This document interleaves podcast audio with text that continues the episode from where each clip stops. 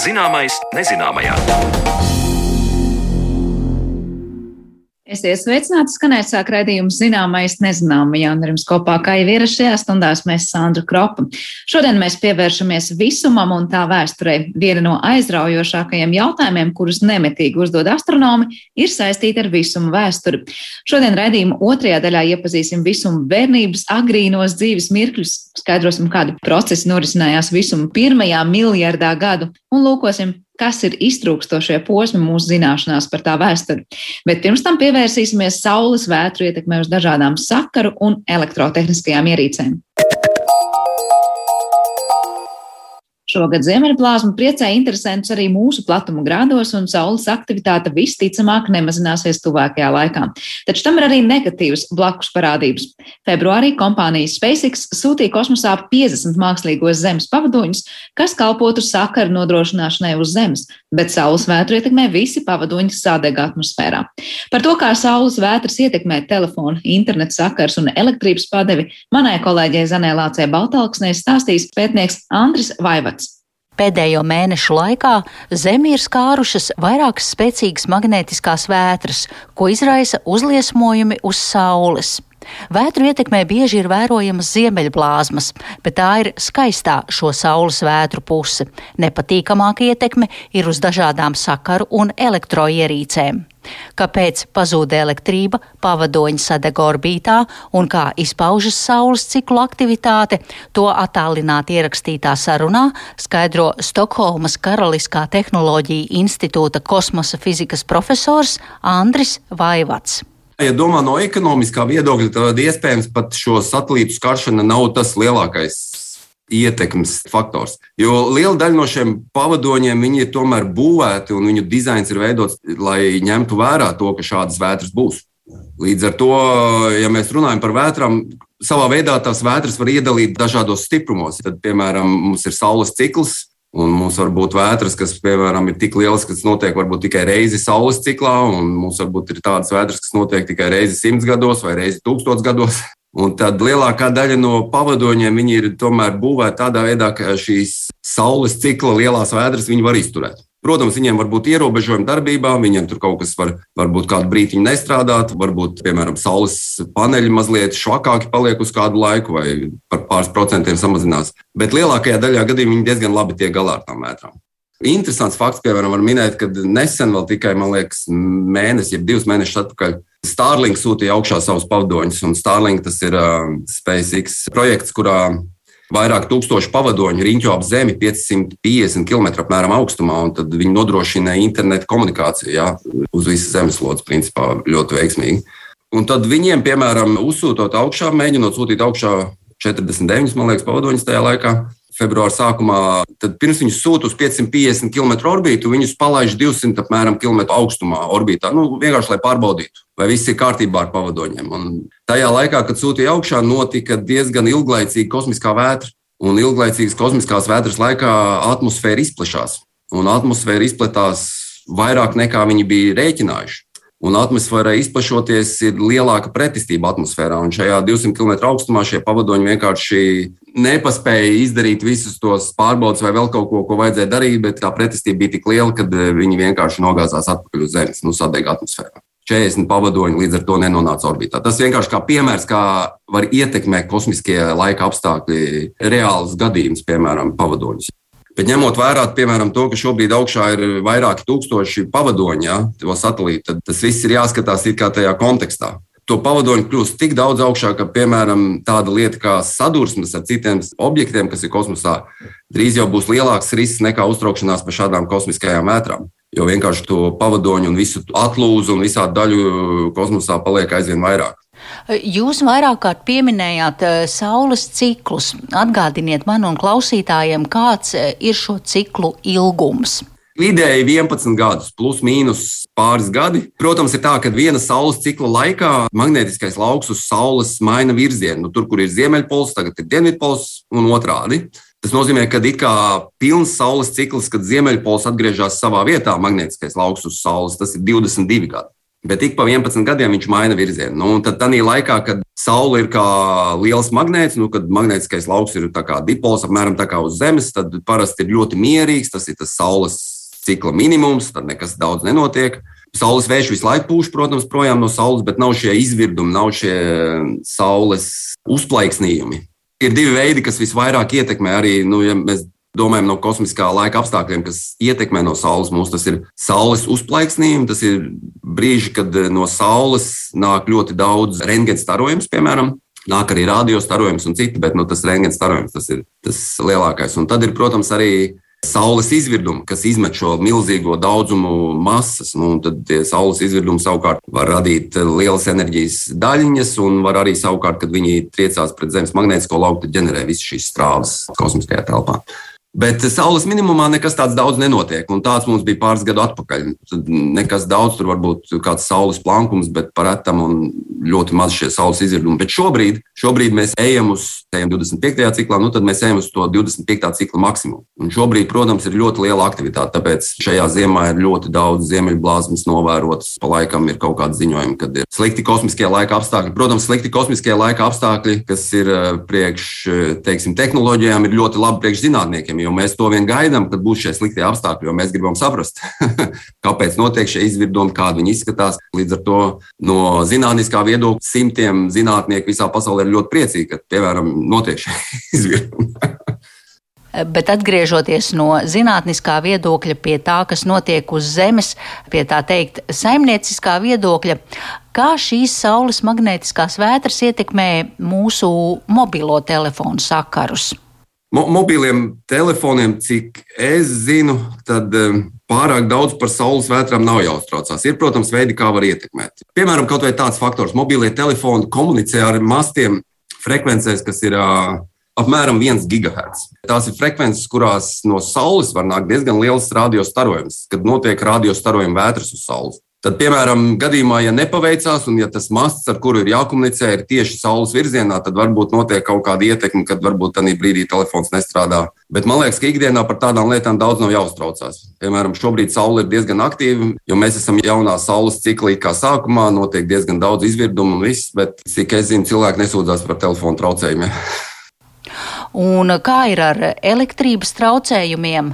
Uz zemes, kas attiecās no ekonomiskā viedokļa, varbūt Vislielākais ir tieši elektropārvades līnijas. Šīs inducētās strāvas, kas ir garās elektropārvades līnijās, tas notiek arī caurulēs, tas var notikt arī kabeļos garos, piemēram, pāri okeānam. Kad tiek kosmisko vētru laikā inducētas lielas strāvas līdz pat vairākiem simtiem ampēru. Un ne visi transformatori, piemēram, apakšstacijās, ir gatavi tam, ja viņu darbība var tikt ietekmēta. Ja, piemēram, vētra nav tik stipra, tad, protams, ar to ietekmi var tikt galā. Ja nepaveicās un vētra ir ļoti stipra, tad var pat eh, transformators pārstāt darboties. Un, piemēram, ir bijuši gadījumi, kur eh, vesela apgabala ir bez strāvas vairākas stundas. Bet vienalga, tas ir tomēr efekts, tas ir jūtams efekts. Ja tev 9 stundas nav elektrība, nu, tad, protams, jā, jāsāk par to uztraukties. Tas nozīmē, ka attiecīgi arī tie transformatori tiek būvēti tādā veidā, lai viņi būtu drošāki pret šīm strāvām. Bet Tā pašā laikā jāatzīmē, ka arī tas ir ekonomisks, protams, jautājums, jo viņus jau var nodrošināt pret visādiem šādiem negadījumiem, bet tas viss maksā. Un līdz ar to šie transformatori noteikti tiek veidots dizains un viņi būvēti tā, lai viņi tiktu galā ar šīm saules cikla vētrām. Bet, ja nāk, piemēram, kāda gadsimta vētra, gadsimta kosmiskā vētra, nu, ja mēs domājam, nu, tāda, kas notiek tikai reizi gadsimtā vai reizi gadu tūkstotī, tad, protams, liela daļa no šiem transformatoriem netiks galā ar tādu. Un tad šie bojājumi var būt ievērojami. Saules vētras iedala piecās kategorijās. Attiecīgi, pirmā tā vājākā un piektā ir tā spēcīgākā. Bet nu, idejaski jau tās vētras var būt arī vēl augstākas nekā piektā kategorija. To, piemēram, zinātnieki zina, jo var skatīties uz Saulē līdzīgām zvaigznēm. Un tādu ir ļoti daudz, un var sekot viņām, un līdz ar to var redzēt statistiski, to zvaigžņu ir tik daudz, ka var labi redzēt, piemēram, cik lielas vētras var būt uz Saules.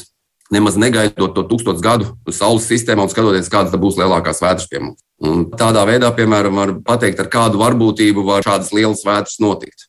Piemēram, vidēji, ja skatās, tad sanāk tā, ja paņemam šo saules cikla vētru, nu, kas ir lielākā saules ciklā, un ja mēs paņemam kādu vētru, kas ir desmit reizes jaudīgāka, tad tā varbūtība ir 30 eh, reizes mazāka nekā šai saules cikla vētrai. Nu, tas nozīmē, ka ir jāgaida apmēram 30 saules cikli, vidēji vienreiz uz 30 saules ciklos, būs šī vētra, kas ir desmit reizes lielāka nekā lielākā vienā saules ciklā.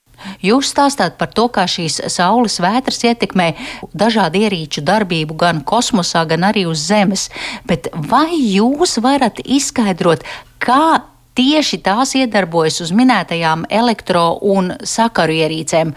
Kāds process notiek piemēram elektrības vados? Tā doma ir eh, apmēram sekojoša, ka saules vējš, nu, saules vētra šī gadījumā tas, tas ir saules vējš, tā ir eh, milzīgs daudzums lādētu daļu. Tas tā kā lādēta gāze, kas plūst projām no saules un kur puš virsū zemē. Un lādētas daļiņas kustoties, ja mēs skatāmies, kas ir lādētu daļiņu kustība, tad tur, kur kustās lādētas daļiņas, tur vienmēr ir strāva. Un strāva jau lielākā daļa cilvēku apmēram saprot, ja mēs pieliekam pie vadiem kaut kur nevietā pirkstus, gan jau visi ir dabūjuši strāvas sitienus jau pa pirkstiem. Un šādas strāvas, viņas plūst, ja mēs skatāmies kosmiskajā telpā, milzīgas strāvas plūst tieši, jo lielāks saules vējš, ja, piemēram, tur ir vēl liels saules izvirdums, tad šīs strāvas var būt vēl lielākas. Un šīs lielās strāvas plūst augšā kosmosā, un sevišķi viņas plūst arī ionosfērā. Tas ir apmēram 100 km augstumā, tur, kur no kurienes var skatīties, piemēram, ziemeļblāzmas gaisma nāk apmēram no tā augstuma. Un viņas ne tikai plūst, bet viņu stiprums mainās. Un visur, kur plūst strāva, tur apkārt veidojās magnētiskais lauks. Un tas nozīmē, ka šī strāva plūst augšā ionosfērā, tad magnētiskais lauks uz Zemes mainās. Ja mums, piemēram, ja mēs paņemam to pašu mobilo telefonu, mēs redzētu, ka magnētiskais lauks liels tās kosmiskās vērtības gadījumā pat mainītos, vai ja mums būtu kompass vai kāds cits instruments. Un tad fizikā ir eh, Maksvela likumi, kas saka, ka mainīgs magnētiskais lauks rada elektrisko lauku. Un šis elektriskais lauks, kas tiek radīts, tas var savukārt radīt strāvu vados. Līdz ar to, ka mums ir šie garie vadi mainīgā magnētiskā laukā, tad elektriskais lauks, ko šis magnētiskais lauks rada, mainīgais, tas rada milzīgu strāvu tajos vados. Jo vadiem ir ļoti zema pretestība, līdz ar to ļoti liela strāva. Un tādā veidā var radīt, piemēram, pa tiem pārvades līnijām var plūst 100-200 ampēru liels strāvas. Ja ņem tos transformatorus, tad viņu dizains ir veidots tā, ka viņi, piemēram, 200 ampēru strāvu var izturēt kādas desmit minūtes, cik es saprotu, apmēram. Nu, piemēram, Zviedrijā tā tie transformatori tiekot veidoti. Bet tas nozīmē, ja strāva ir lielāka, nu, kam viņš nav taisīts, vai, piemēram, ilgāku laiku, tad viņi tam nav gatavi. Līdz ar to tā strāva plūst caur transformatoru uz zemi, līdz ar to tie transformatori var uzsilt, viņiem var tur izkust izolācijā, un beigās transformators vienkārši pārstāja darboties. Un transformators pārstāja darboties, tad arī, protams, nav elektrība rajonā, kuru šī apakšstācija apkalpo. Tik tālu par saules vētrām un to ietekmi uz mūsu radītajām tehnoloģijām, bet raidījuma turpinājumā pievēršamies vissenākajai vēsturei visuma pirmajiem miljardus gadiem.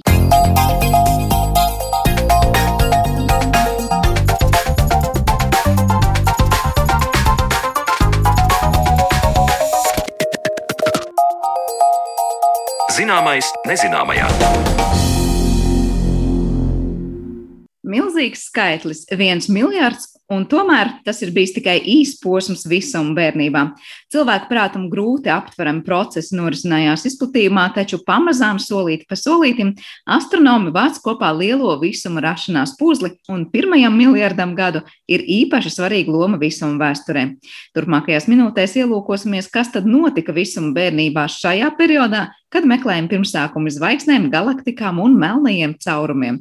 Par to visu šodien vairāk runāšu ar Latvijas Universitātes muzeja ekspertu Latvijas Universitātes astronomijas institūta pētnieku Ilgoni Vilku. Labdien! Labdien! Nu, laikam, ja tagad būtu iespēja iekāpt tādā laika mašīnā un aizbraukt uz to brīdi, kad visums, var teikt, nu, tikai radās un jāizskata tie pirmie miljardi gadu, kas tiešām, kā jau es minēju, liekas no vienas puses milzīgi liels laika posms, bet nu, visuma vēsturē tomēr bērnība. Kāds būtu tas laiks, par kādu mēs vispār runājam? teiksim tā, pirmajās kādās 20 minūtēs, kad beidzās kodola reakcijas, tad ar ko mēs tā sakot varam sākt šo ceļojumu? Visums sastāvēja no protoniem, kas ir ūdeņraža atomu kodola, un apkārt lidinājās elektroni, fotoni, gaismas kvanti, un eh, hēlija atomu kodoliem, kur ir eh, četras daļiņas, arī vēl apkārt bija elektroni. Tātad viss bija tāds ionizēts. Un pakāpeniski atzīstot, pēc tam eh, izveidojas pirmie hēlija atomi. Nu, hēlija, piemēram, bērni labi pazīst uh, to pildiekšā tajos balonos, kas paši turās gaisā, un, ja palaiž vaļā, tad aizlido pavisam projām. Nu, un ūdeņraža atomiem šis brīdis pienāca lūk tajā nu, maģiskajā momentā, tie 370 tūkstoši gadu, kad nu, beidzot visumā bija nu, vielas. Bija hēlijs, kurš gan ir inertā gāze un nelabprāt rēģē kaut ko, un ūdeņrads, kurš savukārt ļoti labprāt iesaistās reakcijās. Bija ūdeņraža atomi, un principā no tā brīža uh, varēja notikt kaut kas vairāk. Un šajā brīdī visums kļuva caurspīdīgs. Kāpēc? Tāpēc, ka vairs nelidinājās apkārt tie elektroni, viņi bija piesaistīti atomos, elektroni pirms tam visu laiku izkliedēja gaismu, un tad, nu, salīdzinoši īsā brīdī, šajā mūsu pirmajā pieturā, visums salīdzinoši caurspīdīgs. Un no tā brīža tas tā gaisma lidoja vairs nevis krustām šķērsām, bet uz visām pusēm no tās pēdējās izkliedes vietas, un šo gaismu mēs varam redzēt. Tā ir visuma pirmā bilde e, - kosmiskais mikroviļņu fona starojums. Tas, ko astronomi pēta ļoti intensīvi, kas ir tā kā tāds svētais grāls, jo tas ir pats pirmais attēls. Nekā vecāka nav, no tā cenšas izspiest nu, vienkārši maksimumu informācijas. Kas ir tas, ko no tās bildes var izspiest to informāciju? Nu, kas ir tas, kas līdz šim ir tāds varbūt pārsteidzoši uzzināts par to, nu, to pirmo bildi, un kas ir bijis, un eh, kas ir vēl tie neatbildētie jautājumi? Ir gan viens, gan otrs. Pirmais, eh, ko konstatēja 1992. gadā, ka šajā bildē ir, eh, ir raiba. Viņi nav pilnīgi, kaut arī mums tas varētu šķist, ka tas ir ļoti viendabīgs starojums, mikroviļņu uh, starojums. Uh, ko principā varēja uztvert arī veciem televīzijas uztvērējiem. Eh, ļoti viendabīgs, bet tomēr atklāja, ka viņai ir neliela raibuma, ko tas nozīmē. Ļoti nelielas temperatūras atšķirības plankumos, kas ir eh, dažus loka grādus, nu tā kā drusku lielāki pa sauli mēnesi vai arī mazāki šādu izmēru plankumi, kuros temperatūra atšķīrās pa nieka, nu teiksim, tūkstošo daļu grāda. Visa šī starojuma temperatūra ir 3 grādu virs absolūtās nulles, un tūkstošdaļa uz vienu pusi, uz otru pusi, bet tas izrādījās šausmīgi svarīgi. Tas pateica to, ka visums ir bijis nu, tāds plankumains, neviendabīgs jau tad. Un pēc tam vēl izsacināja, ka tas, acīm redzot, nāk vispār no ļoti agrīna visuma brīža, kad viņa vecums bija niecīgas sekundes daļas, kad jau tad pastāvēja šīs neviendabības, kas izplešoties pēc tam auga lielāks, un kurām arī pēc tam mūsu nākamajās pieturās būs milzīga nozīme, proti, ka no šīm niecīgajām temperatūras, tātad arī blīvuma, neviendabībām, tātad dažviet vielas bija vairāk, dažviet bija mazāk, pēc tam veidojās tie pirmie gāzu mākoņi, no kuriem radās zvaigznes un galaktikas. Ja visums būtu pilnīgi vienmērīgs, tad tas process droši vien notiktu, bet daudz, daudz lēnāk. Varbūt šodien vēl nebūtu tādas planētas un zvaigznes saule, un mēs nevarētu te aprunāties. Tā kā šīm te sākotnējām neviendabībām milzīga nozīme. Tas ir tas, kas ir zināms. Un kas vēl nav zināms no tā no tā starojuma grib izspiest vēl ļoti daudz informācijas. Piemēram, gribētu ieraudzīt, vai visumā bija tādi pirmotnējie melnie caurumi, kas varēja būt radušies asājuši pēdas, vai visumā varēja būt tādi pirmotnējie gravitācijas viļņi, kas arī varēja atstāt savu iespēju uz šo starojumu. Nu, astronomi turpina pētīt, un šeit man jāmin viena amerikāņu astrofiziķa Ābrama Lēba analoģija. Viņš saka tā, ka eh, runājot par visuma vēsturi, mēs būtībā skatāmies uz tādu pustukšo fotoalbumu. Mums ir viena bilde no tā brīža, kad uh, tas uh, bērniņš vēl bija mātes miesās, tāds kā ultrasonogrāfijas attēls. Šis, šis visuma embrijs, tie 370 tūkstoši gadu. Un pēc tam ir milzīgs caurums, ilgs posms, pa kuru nav bilžu, un pēc tam nākamās bildes ir no pirmajām galaktiku aizmetņiem, protogalaktikām, tad, kad visuma vecums jau bija nu, kādi 500 miljoni gadu. Tātad nepilns miljons, un te pēkšņi uzreiz 500 miljonu gadu. Tad tie jau būtu tā kā pusauģa vecuma bildes. Tās ir, un tad no tā brīža tas albums ir labi aizpildīts. Bet mūs šodien interesē tieši tā tukšā daļa, tā, pa kuru nav bilžu. Nu jā, nu cerēsim, ka tur tās ziņas un idejas būs arvien vairāk un interesantākas par to, kas tajā posmā ir bijis un kā tas visums ir bijis.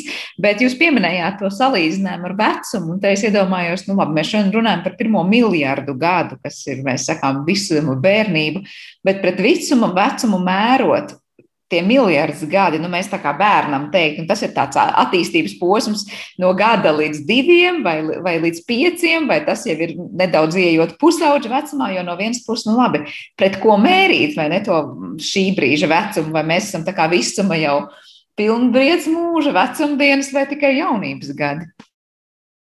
Nu, varētu teikt, ka šobrīd ir visuma jaunība. Jā, tāda visuma vecums ir apmēram 13,8 miljardi gadu. Un mēs te tādu šodien vairāk akcentēsim šo pirmo miljardu gadu, kura beigās visums lielā mērā izskatījās nu, jau tā kā tagad. Bez, tagad, eh, nākamajos miljardos gadu pēc šī pirmā, vairs nu, nebija tāda principiāli būtiska izmaiņa. Jā, turpināja noformēties visuma struktūra, turpināja veidoties tas galaktiku tīkls, um, turpināja veidoties jaunas zvaigžņu paudzes, jaunas planētas, bet uh, vairs nebija tāda principiāla izmaiņa. Līdz ar to nu, kā lai pasaka, noteikti tā bērnība ir jāietilpina tajā pirmajā miljardā gadu, un tad tas nākamais ir jau tāda jaunība, kas attiecas pār turpmāko, tad visumam ir iespējas pastāvēt vēl ļoti ilgi.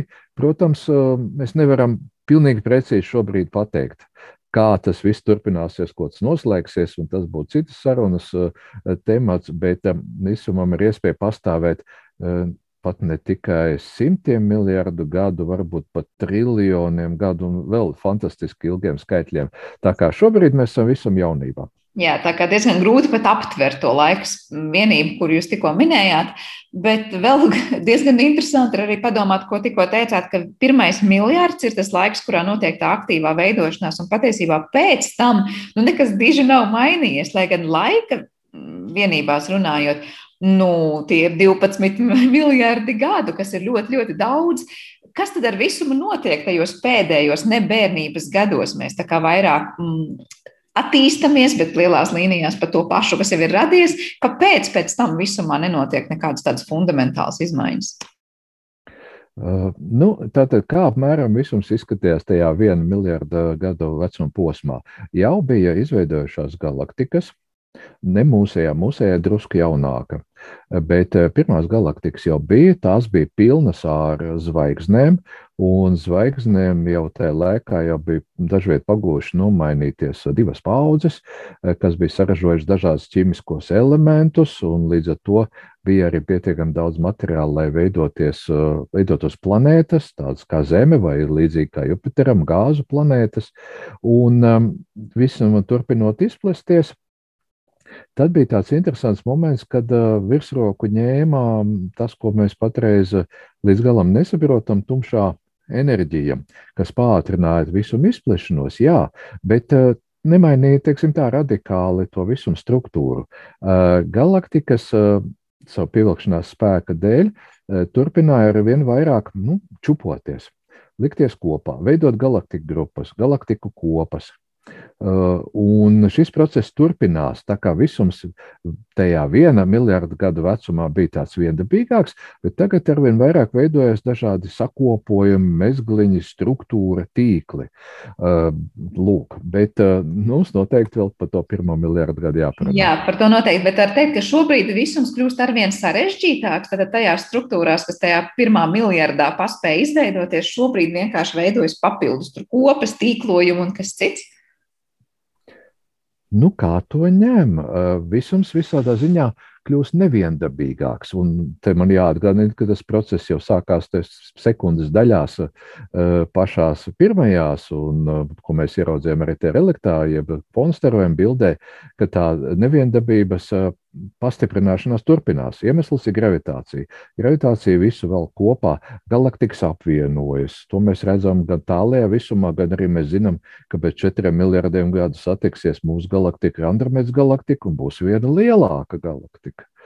Jā, bet līdz tam vēl laiciņš jāpagaida, kas, protams, kosmosa apmēros laikam nav nemaz tik liels laiks. Mazliet vēl pie, paskatoties to pirmo miljardu, varbūt detaļās gadu, par chronoloģiju runājot, jūs tev piesaucāt, kad radās varbūt kaut kādas pirmās zvaigznes un galaktikas. Uh, ir iespējams tādā nu, chronoloģiskā secībā pateikt, kas tad mums ir tie vecākie un jaunākie visuma objekti, un kuros brīžos mēs runājam par zvaigžņu rašanos, kuros par galaktikām, kuros par planētām. Un varbūt es saprotu, ka tā vecākā mums zināmā planēta patiesībā ir nu, diezgan tuvu jau uz to pirmo miljardu gadu beigu fāzi, kad tā ir veidojusies. Kas tur īsti bija pirmais un pēc tam pēdējais? Jā, jā, šeit ir vērts ieskicēt otro pieturu, kas varētu būt apmēram 200 miljoni gadu e, pēc visuma izveidošanās, kas notika līdz tam.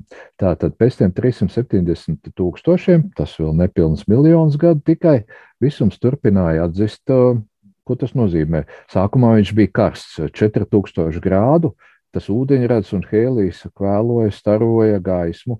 Uh, nu jā, ļoti karsts. Uh, tad pagāja apmēram 17 miljardu gadu, viņš atzisa līdz nu, tā, istabas temperatūrai. Tas vidējais. Un tas pats Ābrams Lēms, ko es jau pieminēju, ir izteicis tādu ļoti nu, ekstravagantu hipotēzi, ka tas ir tas laiks, kad varēja visumā pastāvēt šķidrs ūdens. Un, ja nu kāda zvaigznīte tajā laikā bija pagūsi pirmā izveidoties, e, evolucionēt un uzsprāgt un radīt sevī iekšā tos dažādos ķīmiskos elementus, tad varbūt jau tajā laikā spēja pastāvēt šķidrs ūdens, varbūt kaut kur bija pa kādai atsevišķai planētiņai, uz kurām pat teorētiski varēja rasties dzīvība. Tas gan ir tāds ļoti eksotisks scenārijs, ko vairums astronomu neatbalsta. E, kādus 10 līdz 17 miljonus gadu pēc visuma rašanās šādas neprasas lietas. Bet atgriezīsimies pie tiem nu, tādiem vispārīgiem priekšstatiem. Drīzāk jau, ka tik ātri tomēr tas nenotika. Visumā pakāpeniski atdziestot, viņš kļuva tumšs. Nu, apmēram pēc 17, 20 miljoniem gadu iestājās tumšie laiki. Nu, no mūsu punktu, skatu punkta ļoti nepatīkams laiks, absolūta tumsa. Visa kvelojošā viela bija nodzisusi, un zvaigznes vēl nebija radušās. Visums sastāvēja no nu, vēsas, ūdeņraža un hēlija gāzes, à, un vēl mazu piešprici, mazu drusciņu litija. Litijs ir uh, viens no elementiem, ko mēs izmantojam arī baterijās. Mūsu mobilajos telefonu baterijās ir litijs iekšā. Līdz to teorētiski te mēs varbūt varam runāt par pašu pirmo cieto vielu, kur kaut kur litija atomu apvienojas un veidoja litija puteklīšus, bet uh, lielākoties tā bija gāze, kas atzisa, izplatās. Un tad nostrādāja o, ļoti svarīgs uh, elements, par kuru, diemžēl, mēs arī zinām pagaidām pārāk maz - tumšā matērija kurai vajadzēja būt. Citādi mums ir ļoti grūti izskaidrot, kā visums tik strauji pēc rašanās varēja veidot visas šīs struktūras, bet kur pagaidām nav atklāta. Kura arī piedalījās šo te pirmo gāzes mākoņu saspiešanā ar savu gra kopējo gravitāciju. Šie gāzes mākoņi saspiedās un varbūt apmēram 100 miljonus gadu pēc visam rašanās iedegās pirmās zvaigznes. Pilnīgi droši mēs varam teikt, ka tas bija jau 200 miljonus gadu. Šī ir tā mūsu otrā pietura, tas brīdis, kad beidzās tumšie laiki un visumā atgriežas gaisma. Un ne tikai. Šeit ir uh, svarīgas uh, vēl tas, kas notiek zvaigznēs. Šīs pirmās paudzes zvaigznes, kas sastāvēja tikai no ūdeņraža un helija, nu, un tā niecīgā daudzuma litija, Eh, bija ļoti lielas, masīvas, spožas, un eh, tajās eh, radās jauni ķīmiskie elementi beidzot. Līdz tam visums no ķīmiskā viedokļa bija tāds um, nu, trūcīgs. Nu, kas tad tikai ūdeņrads, hēlijas, no tā tur nekādas molekulas neveidojās no tā visa. Litijas tur neko daudz nepalīdz. Bet tad sāka rasties tas, ko mēs zinām. Jā, lūk, ogleklis, skābeklis, um, dažādi metāli līdz pat dzelziju. Un tajos uh, pirmo zvaigžņu paudzes sprādzienos var būt arī vēl citi elementi. Vai arī varbūt, tās pirmās zvaigznes uzsprāga īpašā veidā tā, ka viņas pašas sevi sadedzināja un tur nepalika pāri gandrīz nekas. Lūk, šeit sākās tā minējumu zona no kuras mums varētu palīdzēt iziet um, jauni teleskopi. Pirmkārt, jau šobrīd palaistais Džeimsa Veba kosmiskais teleskops, kurš vasarā sola sākt darbu un tieši pētīt šos te pirmos simtus miljonu gadu. Ja šobrīd mums ir ziņas par galaktikām pašām vecākām, apmēram 500 miljonu gadu no visuma izveidošanās. Tad Džeims uh, Webb teleskops sol mums parādīt objektus, kas ir jau sākot no šiem 200 miljoniem gadu. Lūk, no šī brīža, kad noteikti parādījās uh, pirmās zvaigznes. Tāpat mēs arī sagaidām uh, vēl divus teleskopus pēc pieciem gadiem. Tas ir uh, 39 metru optiskais teleskops uz Zemes un kvadrātkilometra radioteleskops.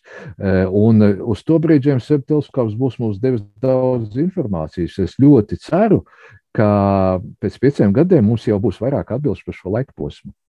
Bet runājot par tiem 200 miljoniem, ko jūs tikko minējāt gadu, Uh, var teikt, ka tad, kad mēs sakām, mūsos tur viss ogleklis, dzels un daudz kas ir mūsu ķermenī, mēs esam tie zvaigžņu putekļi, kā slavenais Karls Sagāna teiciens vēsta, tas nāk no tām zvaigznēm un tiem putekļiem, kas ir tie 200 miljoni pirmie gadu vispār visuma vēsturē, vai mēs runājam par kaut kādām citas paudzes zvaigznēm? Nē, tām vajadzētu būt šīm pirmās paudzes zvaigznēm, kas sāka ražot šos ķīmiskos elementus. Tā kā viņas bija ļoti masīvas, viņu pašu mūža ilgums bija burtiski daži miljoni gadu. Kosmosa vēsturē, tas ir ļoti maz. Un viņas tā sāka izkaisīt sprādzienos, pārnos sprādzienos, sāka izkaisīt šo materiālu kosmosā. Un sākot ar šo brīdi, mēs varam arī, nu, vismaz teorētiski domāt arī par kādām planētām, kas veidojās ap nākamās otrās paudzes zvaigznēm. Diemžēl šīs pirmās paudzes zvaigznes neviena nav atklāta, nav zināma. Tieši tāpēc, gan, kā gan Abrams Lieps minēja, mums vienkārši nav bilžu no šī laika posma, un tāpēc mēs gaidām šos jaunos teleskopus un ļoti uz tiem paļaujamies. Jā, parasti mēs, eh, tīpaši, kas ar astronomiju, varbūt eh, saistīti tikai tik daudz, kā klausīties, ko kādi atklājumi vēsta. Vienmēr gribas domāt, ka nu, tās bildes, tas nozīmē skaistas un ļoti uzskatāmas bildes, bet es saprotu arī tas, ko James Webb teleskops mums piegādās. Nu, patiesībā tur būs ļoti, ļoti vēl jāinterpretē tie dati, lai mēs tiktu līdz kādām nu, bildēm mūsu apziņā. Kāda būs tā informācija, ko mēs no šiem teleskopiem saņemsim un kā mēs varam tikt līdz tām skaistajām bildēm?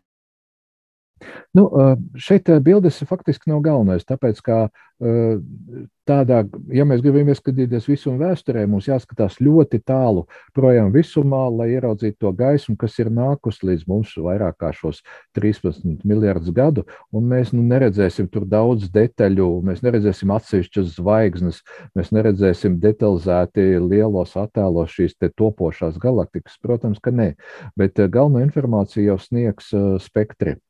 Tā tad gaismas sadalīšana šajā spektrā, varavīksnē, e, kas tad parādīs, kādu viļņu garumu tur ir vairāk, mazāk, kādas vielas tur ir tajā brīdī izveidojušās. Un tas pats attiecas arī uz radioviļņiem, uz šo kvadrātkilometru teleskopu, kur galvenais akcents būs novērojams 21 cm viļņu garumā, kurā staro ūdeņradis, kurš tad uh, varētu būt arī daļa ūdeņraža būt neitrāla, un kas mums pastāstīs, cik daudz viņi tur ir, cik, vai arī cik maz, kā tas saistās ar mūsu teorētiskajiem priekšstatiem.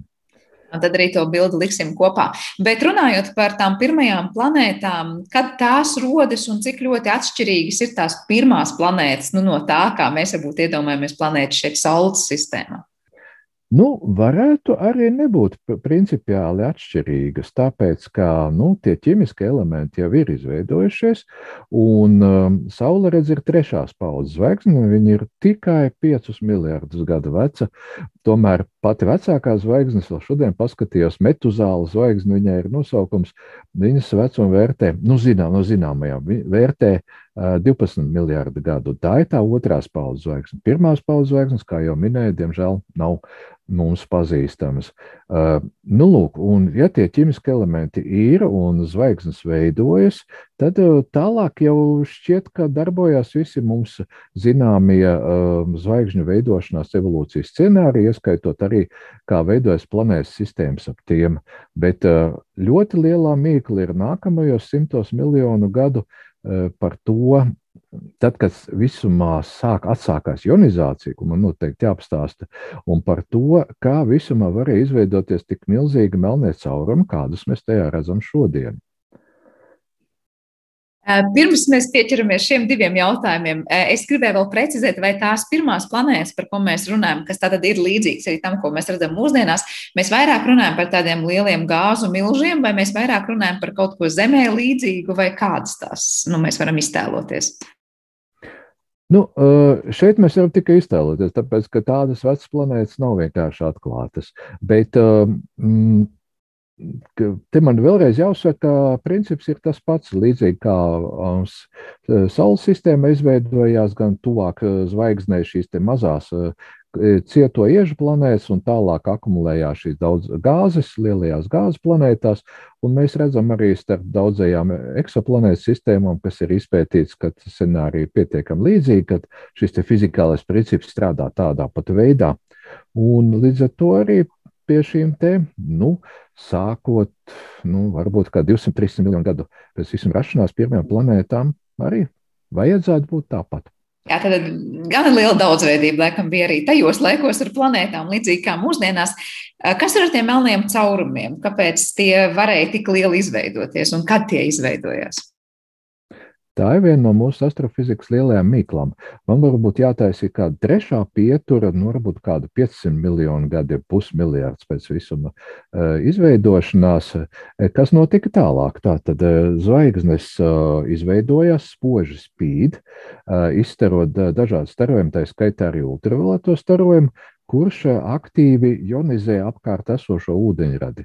Ūdeņradis, kurš līdz tam bija neitrāls, kā mēs te runājām, pie 307 tūkstoši gadu beidzot viņš kļuva neitrāls un ilgstoši bija, bet te skaties atkal, viss uh, ionizējās ūdeņradis sāk zaudēt elektronus, augstākā temperatūrā helijas sāk zaudēt elektronus. Mūsdienās visums lielākoties sastāv no plazmas kur šie atomu kodoli un elektroni ir atdalīti viens no otra.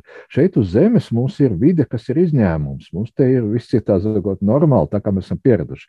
Elektroni ir ap atomu kodoliem, bet visuma lielākā daļa ir ionizēta. Bet tā nebija visu laiku. Tas sākās pakāpeniski, kad zvaigžņu kopējais starojums palielinājās, šī ionizācijas apjoms auga. Un, lūk, apmēram miljardu gadu, kad bija pagājuši no visuma veidošanās, tad jau visums bija nu, pilnībā reionizēts. Lielākā daļa visuma vielas bija šajā ionizētajā stāvoklī. Un tagad pie melniem caurumiem.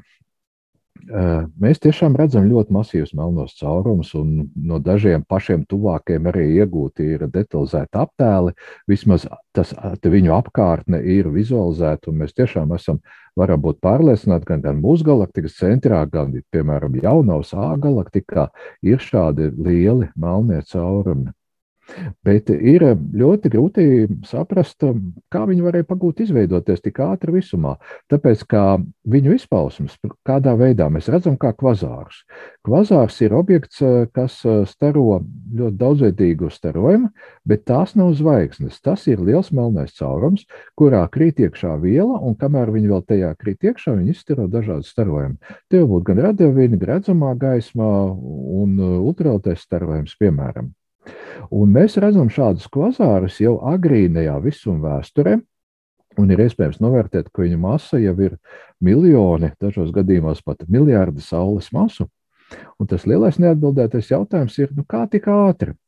Tāpēc, kā, nu, kā mēs zinām, kā veidojas melnie caurumi, piemēram, masīva zvaigzne, simts saules masas sākumā veidojas, saspiež kāds gāzes mākslinieks, izveido tik lielu zvaigzni. Bet uh, tur ir um, tādi efekti, ka uh, tai zvaigznēs veidoties, saspiežoties, nemaz nav tik vienkārši, sas, vienkārši saspiesties. Ir dažādi efekti, kas liek akal vielai lidot projām sarojuma spiediens un, un, un citi um, impulsu moments un, un tādas lietas.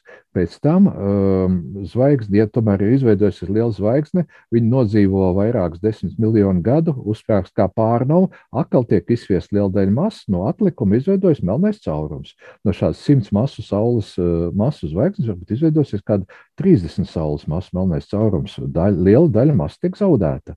Uh, bet, uh, ja ir šādi pietiekamā daudzumā, pat jau šajos uh, pirmajos simtos miljonu gadu uh, melnie caurumi Viņi nevar paspēt līdz tam vienam miljardam gadu, nevar paspēt uzkrāt tik daudz masas, cik lai, lai kļūtu miljonu vai miljardu saules masu smagi. Tāpēc tiek šobrīd apspriesti dažādi uh, ļoti eksotiski scenāriji, ka vispār bez zvaigznes izveidošanās viela tomēr saspiežas īpašos apstākļos, izveido melnos caurumus, kur krīt viela un viņš aug lielāks. Ehm, tad ir tādas interesantas veidojumi kā kvazi zvaigznes, ka vidū ir melnais caurums, uz kur krīt viela un viņš spoži spīd. No ārpus izskatās pēc zvaigznes, bet vidū ir melnais caurums. Nekas tāds reāli nav atklāts. Tās ir teorētiskas konstrukcijas, par kuru pastāvēšanas iespējām gribētos pārliecināties ļoti. Jā, par to tad atkal jāsaka, ka kārtējo reizi rādīs laiks, ka šīs te teorētiskās konstrukcijas kļūs vai nekļūs par to nu, pierādīto un, un, un, un zināmo.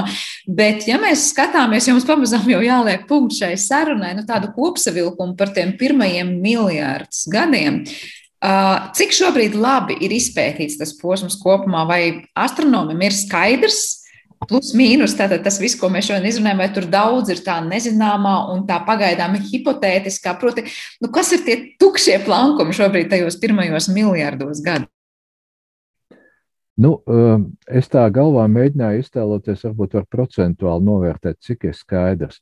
Nu, es teiktu, ka varbūt lielākā puse ir skaidra ir neskaidrības par detaļām. Nu, tātad tas, ko nu pat jau runājam, kā tie melnie caurumi varēja tik ātri izaugt, tik lieli, tas ir viens tāds tiešām būtisks punkts.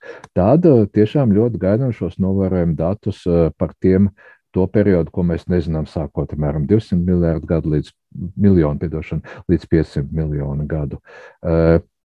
To, kas notika pašā, pašā sākumā, pirmajās, varbūt, eh, minūtēs, pirmajos desmitos minūšu, tur principiālu izmaiņu nav. Tur, cik tālu mūsu teorijas labi atbilst novērojumiem, kur, diemžēl, nav tik daudz, varbūt, kā mēs, mēs gribētos, bet ir ok. Eh, par zvaigžņu galaktiku veidošanos tur līdz galam vēl nav atbildēts jautājums, kas bija pirmais - vista vai ola, zvaigznes vai galaktikas. Nav īsti skaidrs. Varbūt, ka tomēr pirmie veidojās un um, lielie gāzu mākoņi, kas izveidoja jau tādu galaktikas struktūru, kurā pēc tam aizdegās zvaigznes. Vai arī tomēr tajos mākonīšos pirmos izve... pirmās jau aizdegās zvaigznes, un tad jau gravitācija izveidoja galaktikas struktūru. Nu, Nu, teiksim tā, varbūt 50-50 uz pusēm. Astronomiem vēl ir neapšaubām ļoti daudz ko pētīt, un tieši tāpēc, manuprāt, šīs, šīs dienas sarunas temats ir ļoti interesants. Te ir vēl daudz nezināmā. Tā kā varētu domāt, ka ir tādas nu, lielas līnijas, tā kā scenārijas salikt, šobrīd atliek tikai dziļumā iet un to visu izpētīt. Bet pavisam no manas puses pēdējais jautājums šajā raidījumā, kā ir ar to pirmo brīdi, ko ieraudzīt, vai mēs vēl varam cerēt, ka vispār mūsu zināšanas ļaus vēl, vēl, vēl pietuvoties tam brīdim, kas nu ir tas pats sākums, vai tomēr nu, tur ir mūsu ierobežotās iespējas vispār saprast, un mēs nevaram vairs tuvāk ieskatīties tam visam dzimšanas brīdim. Nu, šeit būtu spēkā teiciens, nekad nesaka nekad. Uh, šī bija pirmā gaisma, 370 tūkstoši gadu. Uh, pirms tam viņi tika izkliedēti, nu, mēs nevaram sagaidīt jaunāku gaismu vai vecāku no mūsu viedokļa skatoties. Bet ir jau vēl citas lietas. Ir gravitācijas viļņi. Es jau pieminēju šos te sākotnējos gravitācijas viļņus, kas radās nu, pirmajās visuma veidošanās sekundēs. Un, lūk, ja tos izdotos ieraudzīt, um, nu, te mums ir jāpastrādā, jāpal, jāuztaisa lielāks gravitācijas viņa teleskops uz Zemes, jāpalaiž kosmosā. Tie būs vēl varbūt 15 gadi un vairāk. Uh, tad varbūt varētu parādīties atbildes.